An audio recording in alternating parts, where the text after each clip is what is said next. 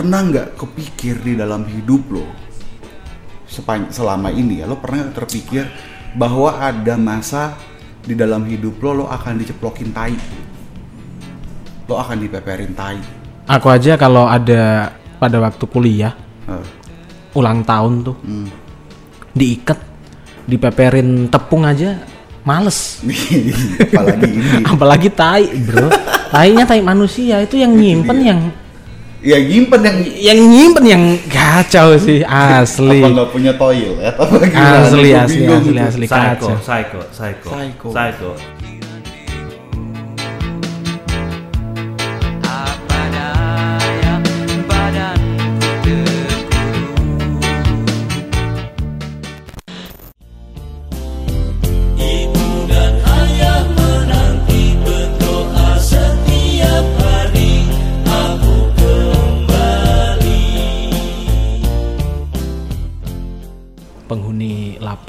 Yang dia divonis 13 tahun. Narkotika ya kalau salah. narkotika. Narkotika. Dia divonis pada waktu usia 18 tahun. Eh, harusnya tahun depan itu keluar udah bebas. Jadi memang ini cukup dramatis di mana ibunya yang bercerita secara langsung dia cerita kalau Jueni itu siapa namanya? Jueni Joeni. Jueni Jueni Jueni Jueni itu setiap ditelepon sama mamanya bilang udahlah nggak usah telepon aja. Bukan karena dia malu bukan karena dia nggak kangen orang tuanya tapi setiap mamanya telepon itu mamanya mesti nangis. Hmm. karena nunggu nih kapan keluar kapan keluar. Tahun depan mak. Tahun depan tahun depan. Iya. tahun depan dia udah ngobrol mau beli ini itu salah satunya motor eh, kebanggaannya Ere King dia cerita gitu. Terus mamanya ya wis ditunggu lah Eh, kita tunggu rencana tahun depan udah lepas jadi bisa kumpul keluarga lagi. Aduh. Tapi beda cerita ketika sekarang ya ada musibah ya. Kebakaran lapas dan salah satu korbannya adalah Jueni itu.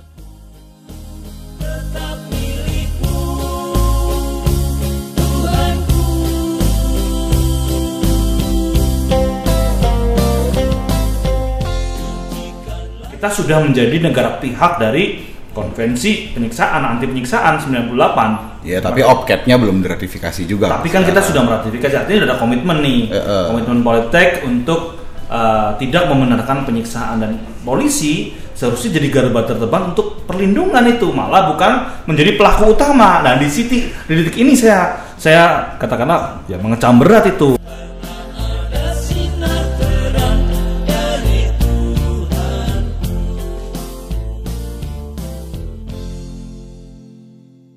Selamat pagi, selamat siang, selamat sore, dan selamat malam. Kapan pun dan di mana pun kalian mendengarkan podcast ini Dan kembali lagi bersama Hamburger Podcast by HRWG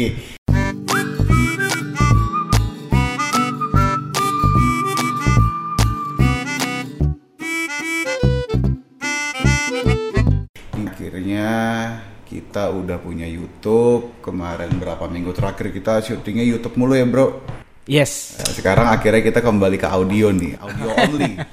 Balik kandang. Iya, Balik back, Anda. back to basic kalau kata orang-orang. Tapi gue akhir-akhir ini terganggu sama satu pikiran bro. Gimana dok? Lo pernah nggak kepikir di dalam hidup lo sepan- selama ini ya? Lo pernah nggak terpikir bahwa ada masa di dalam hidup lo lo akan diceplokin tai, lo akan dipeperin tai. Aku aja kalau ada pada waktu kuliah Eh, ulang tahun tuh hmm.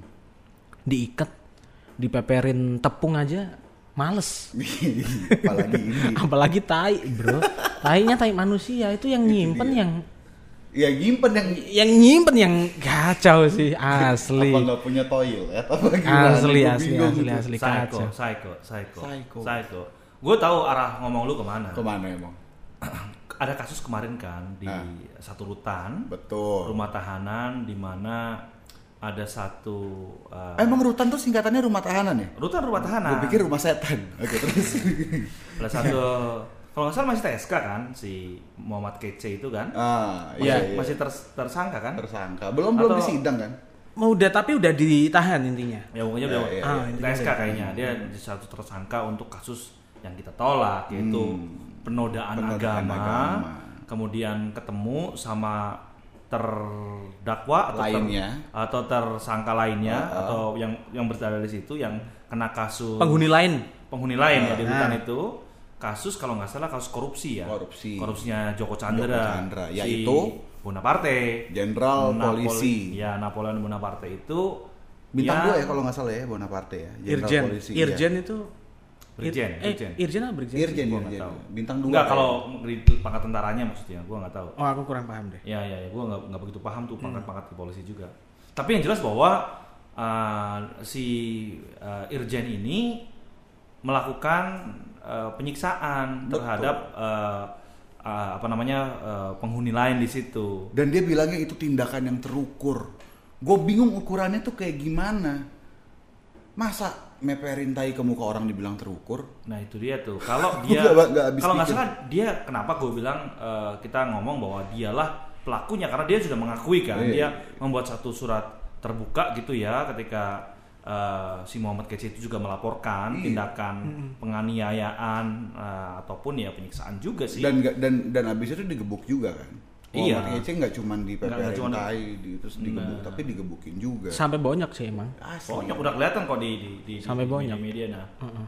Di situ uh, gua lihat bahwa uh, dia kalau nggak salah di surat uh, pengakuannya dia, surat terbukanya dia uh, mengaku bahwa dia lagi membela agama, ya kan, Hmm, iya. membela agamanya gitu ya. Tapi ya sekali lagi kok membela agama kok dengan cara yang uh, tidak manusiawi ya dengan Betul. meperin kayak gitu kemudian mukul itu kan kalau dia bener beragama apa dibenarkan tindakan-tindakan kayak gitu. Nah, itu itu itu suatu hal yang menurut gue juga uh, cukup uh, ya bisa disayangkan dan juga dilakukan oleh seorang yang berpangkat jenderal gitu ya. Iya, gua maksud gue gini Ini- lah. Meskipun dia kemudian ngomong posisinya sama-sama sebagai tahanan gitu. Tapi apa iya kemudian memang akan sama bener-bener sama posisinya dia sama si Muhammad Kece di dalam Ya itu kan juga di tahanan sana juga kan, di tahanan, Iya. tahanan polisi juga kan, tahanan brimob nggak Iya, rutan brimob emang. Iya ya, dia anggota kan. Iya kan maksud ada ketimpangan di Ya, situ. relasinya agak sedikit nggak setara Iya. kalau sesama tahanan ya, Iya. kelihatan. lah. Kalau dari beberapa media memang disebut kayak ka, karutan ya berarti kalau Kepala ke- kepalanya, rumah tahanan, kepala ya. rumah tahanannya itu emang merasa eh, segan Terhadap untuk ini ya. terhadap Napoleon Bonaparte. Hmm. Kayak gitu. Itu itu yang Bahkan kepala rutannya sendiri. kepala rutannya iya ini sebentar. Aku Oh. coba cek ya. Itu di eh, satu media ya. Mm-mm, di satu media menyebutkan eh, merasa tidak enak lah. Maksudnya mungkin di situ kalau rutan brimob itu kan kalau nggak salah penjaganya juga dari eh, unsur kepolisian, terus masih satu rumah dalam tanda kutip dengan Napoleon Bonaparte, Sumatera. merasa lebih seniornya mungkin nggak enaknya posisi di situ. Tapi ya sekali lagi itu salah, keliru ya Iya. itu nggak dibenarkan meskipun memang kabarnya sekarang di Selti di Celticuskan di isolasi Siapa si Napoleon? Napoleon kabarnya dan terancam di apa namanya dicopot kalau sekarang memang belum dicopot secara kelembagaan di Iya, iya, kepolisian iya. belum Secara dicopot institusi. institusi belum dicopot nah itu juga Tapi gue penasaran itu Napoleon Bonaparte ini umurnya panjang juga ya. Lain, Bro. Hah? Dulu di Prancis. eh per- ya betul sempet ngerasain bareng siapa tuh Cleopatra. Nganggur lain bukan. Leopardnya mau zaman-zamannya. Iya tapi si- itu sama Napoleon Bonaparte pada masa itu. bukan dulu tuh Cleopatra tuh zamannya si itu ngawur kamu. Zamannya Oh si- Alexander ya. Ngomong- Alexander ya. biar tambah biar tambah jauh biar tambah jauh ya kita balik balik balik balik balik ke sini lagi lah ya. Yang gue lihat kan memang bahwa bener yang lo katakan eh, eh, ini kan juga eh, polisi sebagai garda terdepan ya. Kita sangat berharap lah eh, polisi kan punya tugas yang eh, melindungi dan mengayomi masyarakat kan. Tugasmu mengayomi. Benar. Jadi memang kita berharap banyak sebenarnya dengan apalagi di eh, rumah tahanannya dia dan saya yakin polisi itu tahu bahwa eh, dia juga garda terdepan untuk perlindungan HAM di mana praktek-praktek penyiksaan itu seharusnya dihapuskan atau dihilangkan. Jadi nggak dibenarkan. Baik itu dilakukan di tempat-tempat di mana dia punya ruang atau tempat yang memungkinkan kebebasan seseorang itu bisa terkurangi. Ya. ya di rutan-rutannya dia itu rutan rutan apa namanya ataupun di misalkan di Polres di Polda ketika ada uh, interogasi dan sebagainya itu nggak dibenarkan itu.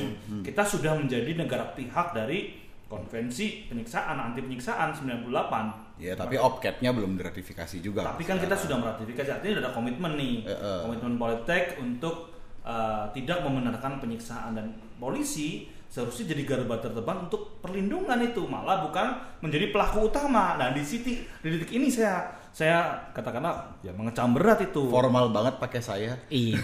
gue gue gue Saya dan kamu. Ini. Tapi gitu ya, maksudnya ironinya kan gitu. Bahwa ketika polisi seharusnya menjadi garda terdepan, tapi justru di banyak laporan yang kita tahu, di banyak laporan yang dikeluarin sama teman-teman masyarakat sipil, misalkan oleh Aji gitu ya, selama sekian tahun terakhir itu, eh, orang atau institusi atau pihak yang selalu dianggap sebagai eh, musuh terbesar kebebasan pers justru adalah polisi. Kalau teman-teman ada yang penasaran ini suara apaan, ini suara botol bir lagi dibuka. Ini lagi makan soto lamongan. Kecapnya habis. Tapi gitu maksud gue. Dan akhirnya itu berimplikasinya ke mana ya? Tadi kalau misalkan kita ngomong soal bagaimana ternyata di dalam rumah tahanan keamanan itu nggak bisa dijamin. Ya. Ternyata hal itu juga terjadi di lapas, coy.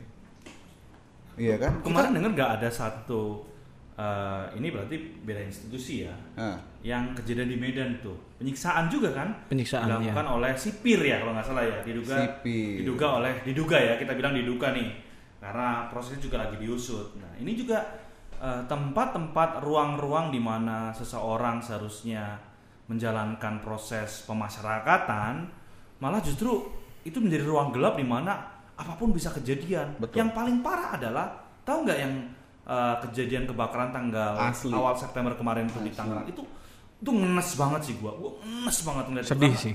ngenes sedih banget gitu total sekarang udah ada 40 48 49. 49 orang 49 yang meninggal itu yang- terpanggang, coy. Ya, ya, ya. ya ya Itu Lumayan. ngerinya itu ada banyak cerita-cerita ya Mas Awi, Bang ya, Jess ya. ya, ya.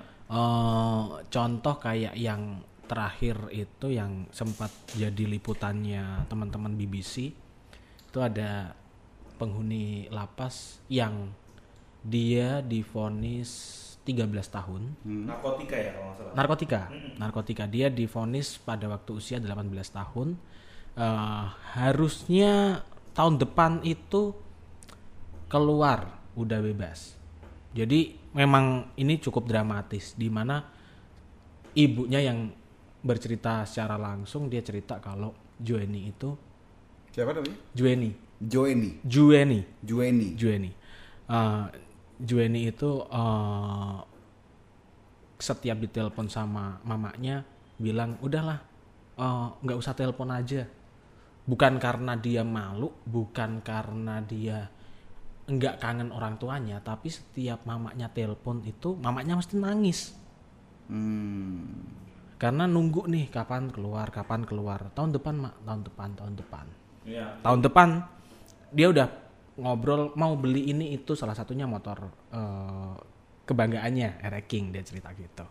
Terus mamanya ya wis ditunggu lah eh, kita tunggu rencana tahun depan udah lepas jadi bisa kumpul keluarga lagi. Aduh.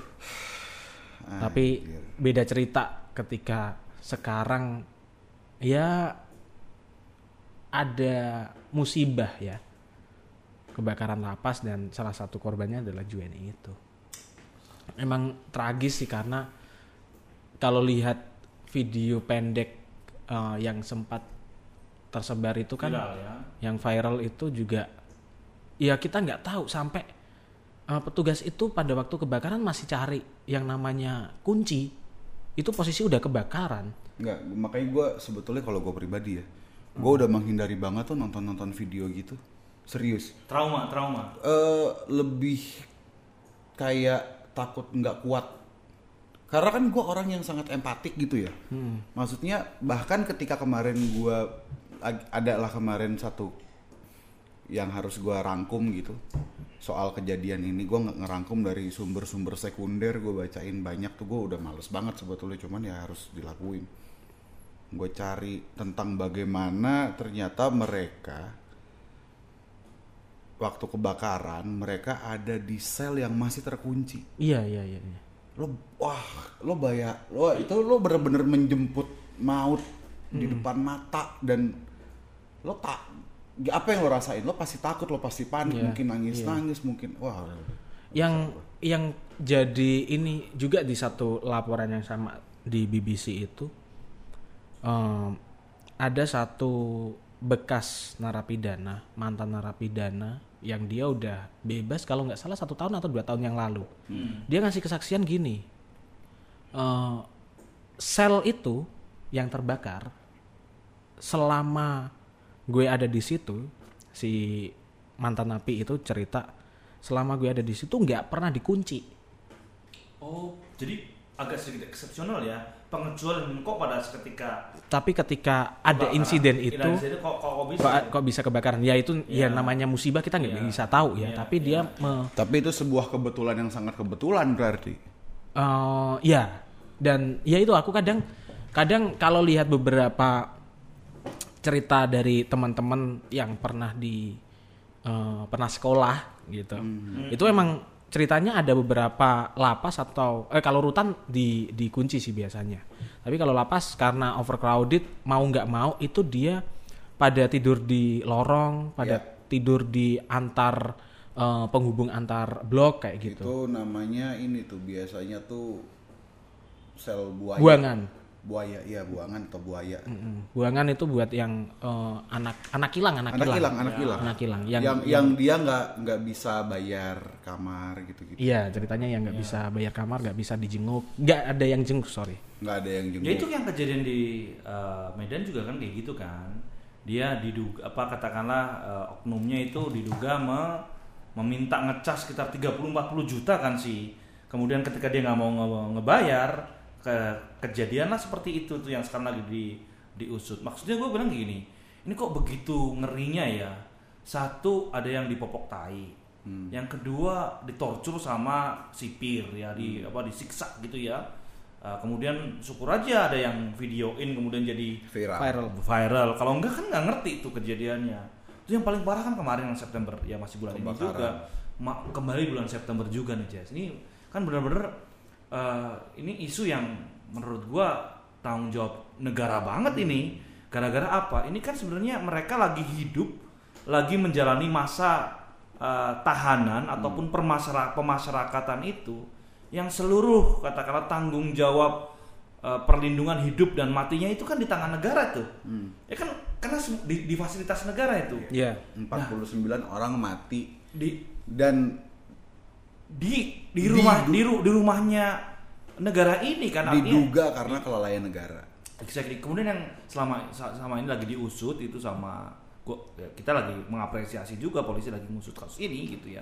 Tapi yang kena tuh masih kroco-kroconya kan dalam Iya. pengertian yang yang yang yang di sana. Nah, ini kita harus juga harus melihat isu overcrowded atau overcram gitu ya di terlalu apa namanya terlalu membludak ya. Gimana sih overcram overcrowded? apa? overcrowded tuh iya Overcrowded apa itu emang- overcapacity Overcapacity. Iya. Overcapacity. Jadi misalkan eh, cuman 300 dihuni sama 1000 gitu Kalau ya. nggak salah, lapas Tangerang kelas 1 yang kebakaran ini itu secara umum si lapasnya ini dia overcrowded 400%. persen ya. 400 persen. 400%. Gila. Lalu di bloknya itu dia sekitar segitu juga overcrowdednya. Blok C blok, blok C yang kebakaran ini blok C2 ya kalau nggak salah ya. Yang kebakaran itu dia overcrowdednya juga segitu. 400%. Dan dan gini maksud gua kenapa tadi akhirnya gua sampai pada omongan bahwa ini adalah orang-orang yang mati karena diduga kelalaian negara. Hmm. Ada kata diduga tuh perlu digarisbawahi ya. Ya. Diduga itu ya. Jangan somasi lagi nih. Eh, iya, jangan somasi terus. Dikit-dikit. Tapi tapi gini, bahwa pertama ada ketidakbecusan dalam hal masa sekadar menyocokkan mana jumlah dan kapasitas dia nggak mampu. Itu pertama. Yang kedua dan ini sudah diakui itu ada soal karena kan kebakaran itu karena korslet. Iya, ko- korsleting. Salah satu dugaan penyebabnya itu karena karena korslet. Dan itu tuh karena sejak awal dibangun di di di, di sekitar tahun 70-an akhir itu eh penjara ini lapas kelas 1 Tangerang ini instalasi listriknya tidak pernah sekalipun diperbarui. Dan itu yang ngomong waktu itu ada ada pernyataannya dari pihak Kemenkumhamnya sendiri. Itu emang asli. Jadi eh, ada beberapa perbincangan yang sama dalam podcast-podcast lain. Itu kesaksian ya. Salah satunya ini disampaikan eh, jauh-jauh hari sebelum adanya insiden kebakaran ini sama siapa mas yang apa namanya? Tahanan politik dari Surya Anta, Papua. Nah ah, tahanan politik Papua Surya Anta. dia bukan orang Papua. iya tapi kasusnya kan Eh, tahanan politik dia, iya, soal dia, Papua Dia dia aktivis yang concern di isu-isu di isu Papua. Surya Nah, Anta. Surya Anta itu juga bilang kalau sebenarnya kasus eh, di penjara itu cukup banyak, Oh iya. termasuk hak untuk hidup. Hak untuk hidup itu salah satunya kalau bisa disebutkan itu mandi, mandi, buang Tidur. air besar, tidur. Ya. Makanya ada anak hilang itu yang dia tidurnya di luar kalau Sel buangan itu. sel Sel buangan buaya, sel buaya. nggak cuman sel buangan itu benar-benar di luar di lorong bang Eh, jadi kalau mau mandi itu bertiga berempat itu pun bareng sama yang ada yang pup juga nah itu kan juga eh iya nggak bisa Nggak nggak manusiawi lah. manusiawi dan nggak menutup kemungkinan akan ada kerusakan-kerusakan hal yang sepele itu nggak bakal di eh, hiraukan karena kata Surya Anta pada waktu itu memang cukup lama untuk dibenahi. Kadang malah kalau penghuni yang bisa benahin atau yang benerin ya penghuni sendiri yang benerin kayak gitu. Kerusakan apa pun itu kadang juga ngerinya di situ. Tapi yang jadi pertanyaan adalah apakah ini terjadi hanya di Indonesia saja, Mas Awi? Di negara-negara di negara-negara Eropa, Eropa Timur, Eropa Tengah, Skandinav gitu ya. Penjaranya Eropa Barat itu bro. Iya, iya ya gitu gitulah maksudnya. Penjaranya lebih bagus dari kosan gua, Bro.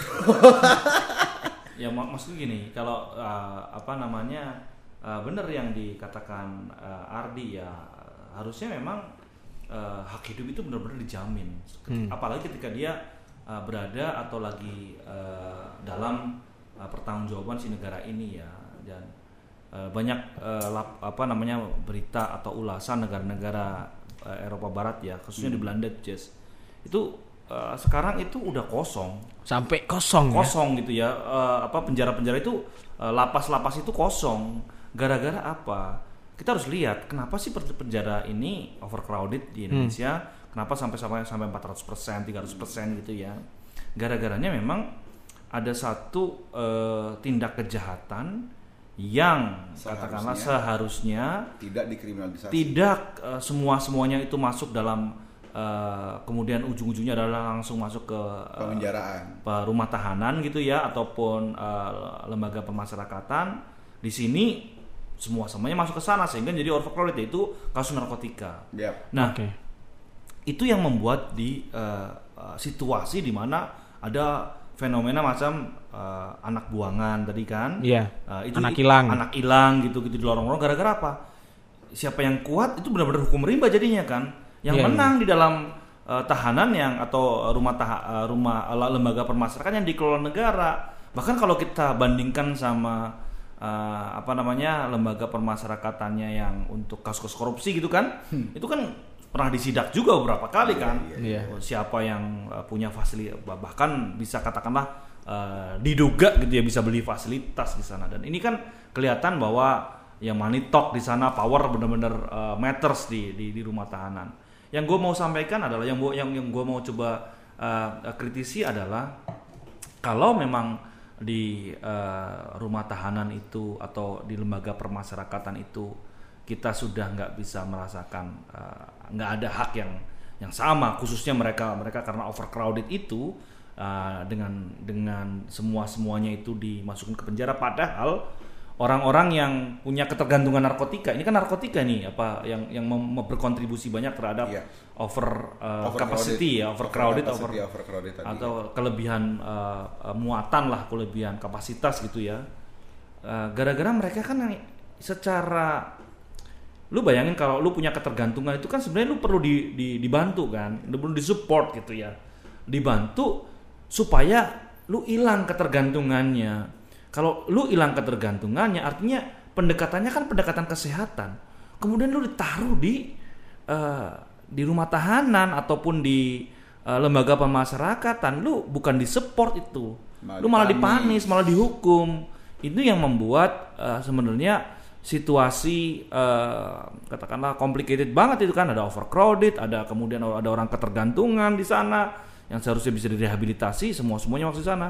Akhirnya ya kejadian lah macam-macam isu-isu sosial antar bisa jadi antar tahanan atau antar eh, warga binaan gitu ya dan bisa jadi antar warga binaan seperti yang kasus Medan itu dengan sipirnya atau sama pengelolanya gitu. Itu sih yang membuat gua bener-bener eh, akhirnya kan ngeri gitu bahwa orang-orang yang mungkin juga punya power lebih gitu ya jadi juga bisa melakukan apa pun untuk tidak masuk ke sana.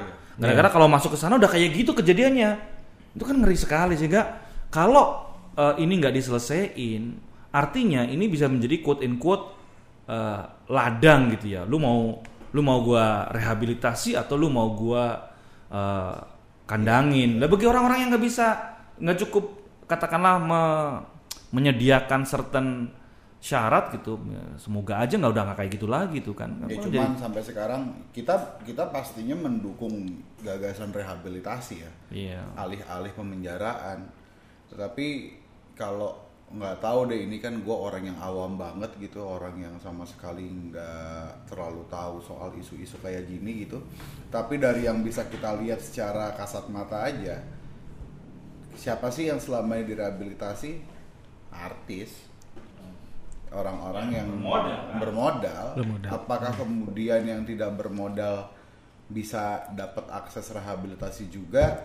Ya nggak tahu gitu. Cuman yang gue lihat selalu yang punya modal. Jadi kayaknya gini ya.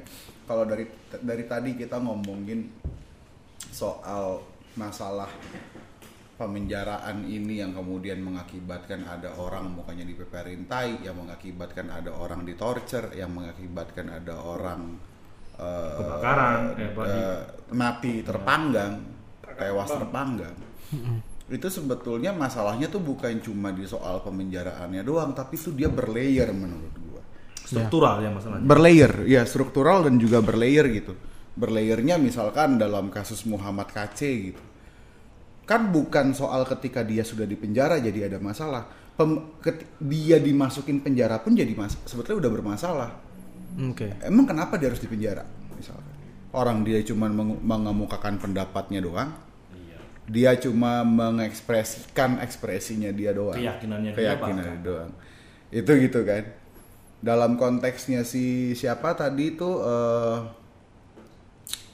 eh, kebakaran Tangerang itu yang overcrowded, over capacity yang ternyata lebih dari 50% sebetulnya itu napi-napi narkotika kan. iya lebih dari ya Ya kan berarti kan pertanyaannya apa memang bener nih mereka-mereka ini yang masuk penjara karena isu narkotika itu harusnya dihukum dengan pemenjaraan kan enggak juga. Pendekatannya seharusnya nggak seperti itu. ya harusnya di support bukan dihukum kan Ada juga layer lain. Kenapa hal-hal ini bisa terjadi? Indonesia sampai sekarang belum ratifikasi OPCAT, Optional Protocol of Convention against, torture. ya Jadi ya. banyak banget.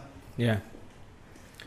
Persoalan kalau aku kembali ke yang tadi, kadang juga jadi pertanyaan kalau aku belum pernah ini ya, belum pernah eh, menemukan penelitian atau investigasi khusus. Saumpama nih mas, Nah, Bang Jess, semua eh, pengguna narkotika itu direhabilitasi. hmm. Sistem rehabilitasi kita sudah mumpuni belum? Itu yang pertama. Terus yang kedua adalah rehabilitasi itu kan harus terlepas dari dunia-dunia yang dekat dengan korban narkotika itu. HP benar-benar harus dilepaskan kayak gitu.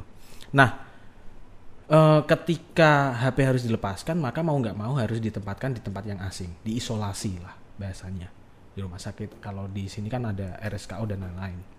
Nah, eh, fasilitas itu udah memenuhi belum sih jangan-jangan memang belum ada kayak gitu Ya kalau misalkan itu memang mau dijadikan pendekatan resmi oleh negara, oleh pemerintah, ya itu harusnya dibikin rumah-rumah rehabilitasi, panti-panti rehabilitasi yang eh, ada adekuat tapi gratis gitu. Representatif Heeh. Faktanya sekarang, ya gue banyak punya banyak temen yang kemudian terlibat di kasus-kasus demikian. ya mereka yang kemudian berhasil masuk ke panti rehabilitasi yang memang kualitasnya bagus dan segala macam itu harus merogoh kocek pribadi. Heeh. Itu satu. Kemudian kan kita juga berjejaring nih dengan teman-teman yang advokasi isu narkotika. Itu kan juga mereka banyak menemukan bahwa ternyata orang eh, yang kemudian membuat panti rehabilitasi itu juga orang-orang itu juga. Susah nih ngomongnya nih.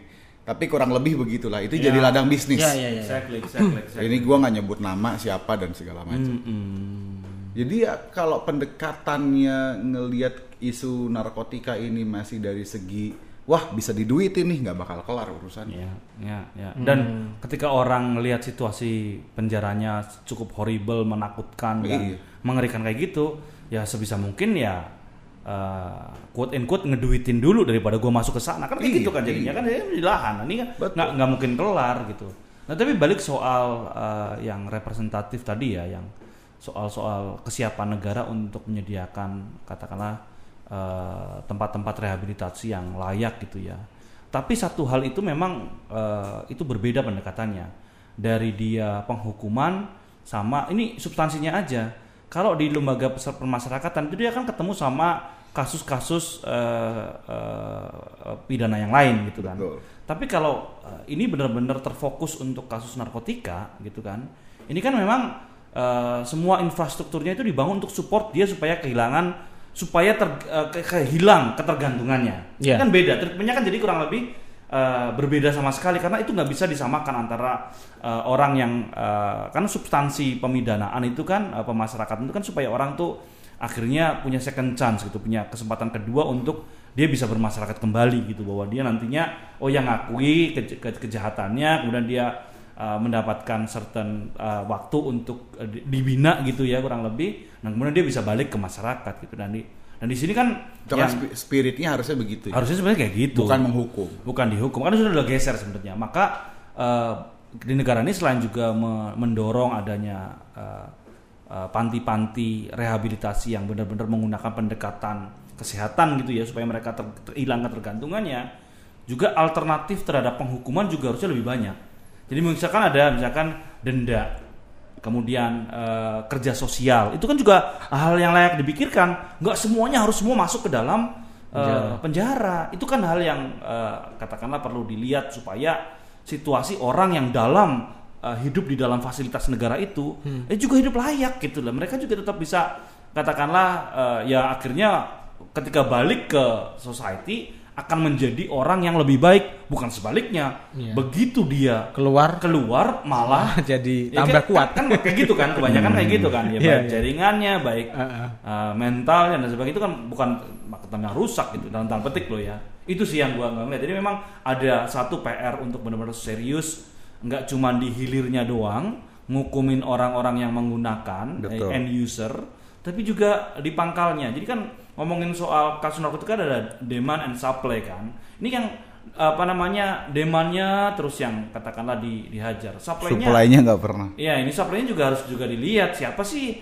eh, rantai pemasoknya ini? Eh, bener nggak sih? Eh, katakanlah eh, diungkap benar-benar. Eh, kita kalau cuman nge- memadamin api terus kemudian api yang nyulut itu nggak pernah kita selesaiin Nggak pernah kita sentuh ya. gitu. Nah, siapa sih yang bermain di balik bisnis eh, narkotika? Nah itu kan satu ruang gelap juga yang harus kita lihat. Nah itu juga satu hal yang harus di- didorong selain eh, hal tadi itu alternatif pemidanaan, kemudian menyediakan eh, katakanlah tempat-tempat eh, lapas-lapas ya lembaga pemasyarakatan yang layak gitu ya. Eh, dan ini juga tanggung jawabnya ya Kumham itu yang harusnya udah cukup lama tahu itu kos kasus-kasus overcrowded ini makanya penting untuk adanya katakanlah ya reformasi lah di di eh, di soal ini gitu. Di sistem peradilan ya. Ya termasuk di sistem peradilannya gitu.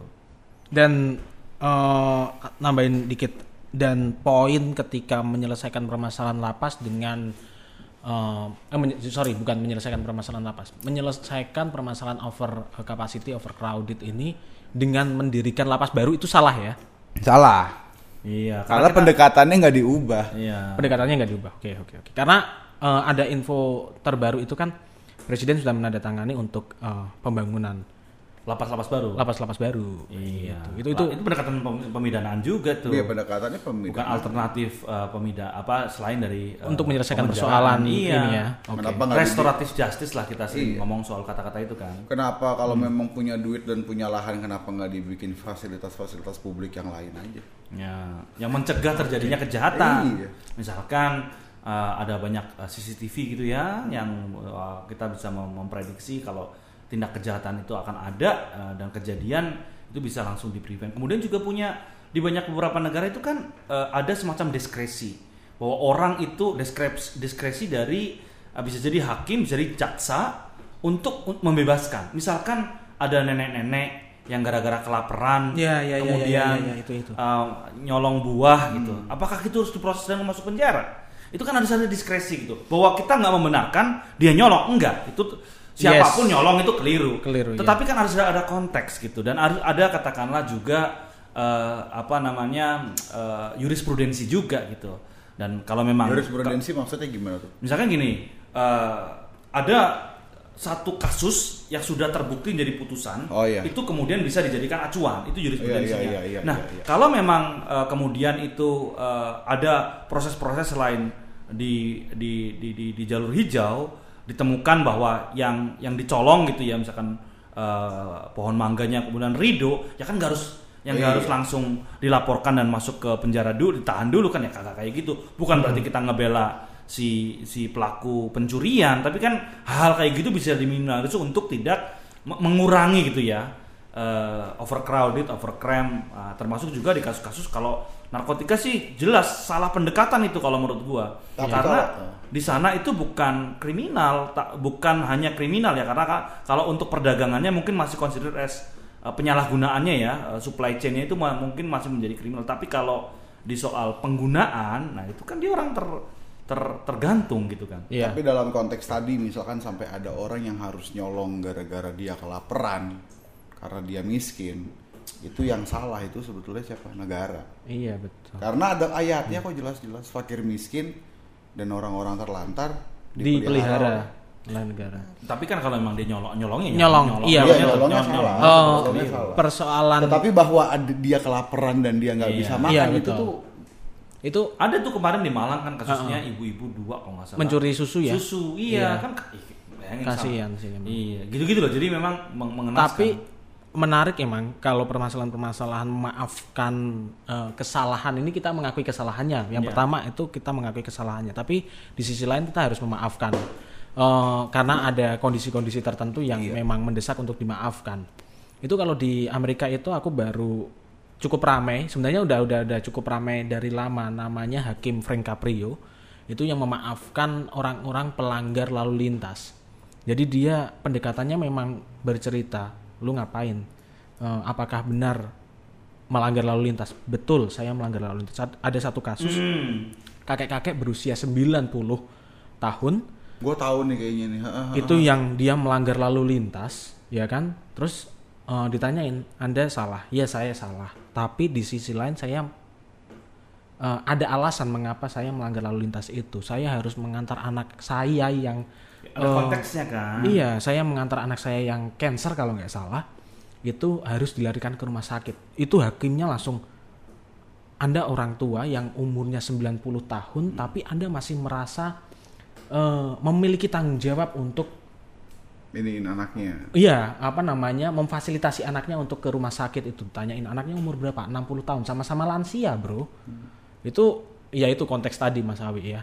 Jadi emang konteks itu harus di benar-benar dipertegas sehingga tidak salah siapa yang eh, di penjara lama, siapa yang di penjara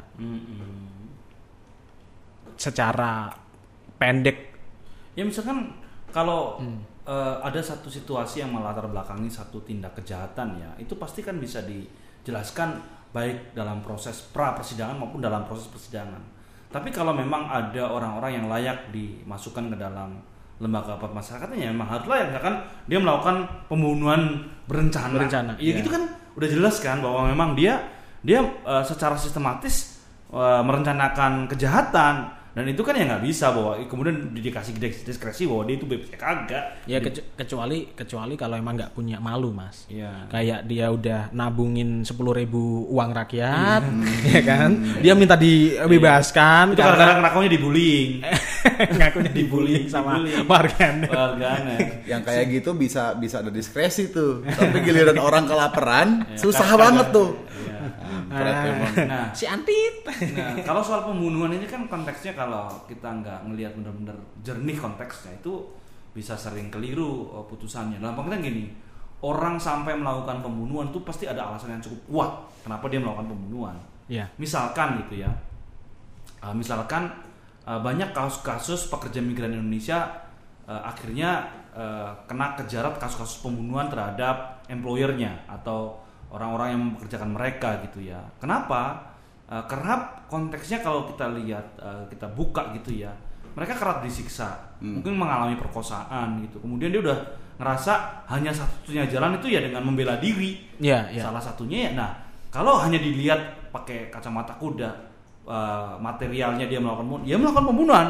Tapi konteks di balik itu apa? betul Nah, itu yang perlu juga harus di- dibuka juga. Kita tidak membenarkan tindak pembunuhannya, tapi apakah misalkan alasan kenapa dia melakukan pembunuhan, nah, masa nggak bisa menjadi uh, peringan katakanlah apa namanya sesuatu misalkan kalau di konteks di di di di, di negara-negara Timur Tengah gitu ya, Jazirah Arab gitu ya, orang uh, membunuh ya uh, dihukum balik dengan ngebunuh, dibunuh ulang ya, Hukum mata ganti ya. mata gitu ya eye for kisos. an eye. Nah, makanya dari itu, kalau nggak pernah ngelihat konteksnya, ya akhirnya eh, Iya. hal itu nggak nggak membuka pintu maaf khususnya buat buat keluarga Dan- untuk memaafkan itu. Dan Indonesia cukup banyak loh mas. Exactly. Dia membela diri karena mau di eh, siksa lah. dirampok, Dirampok. mau di apa?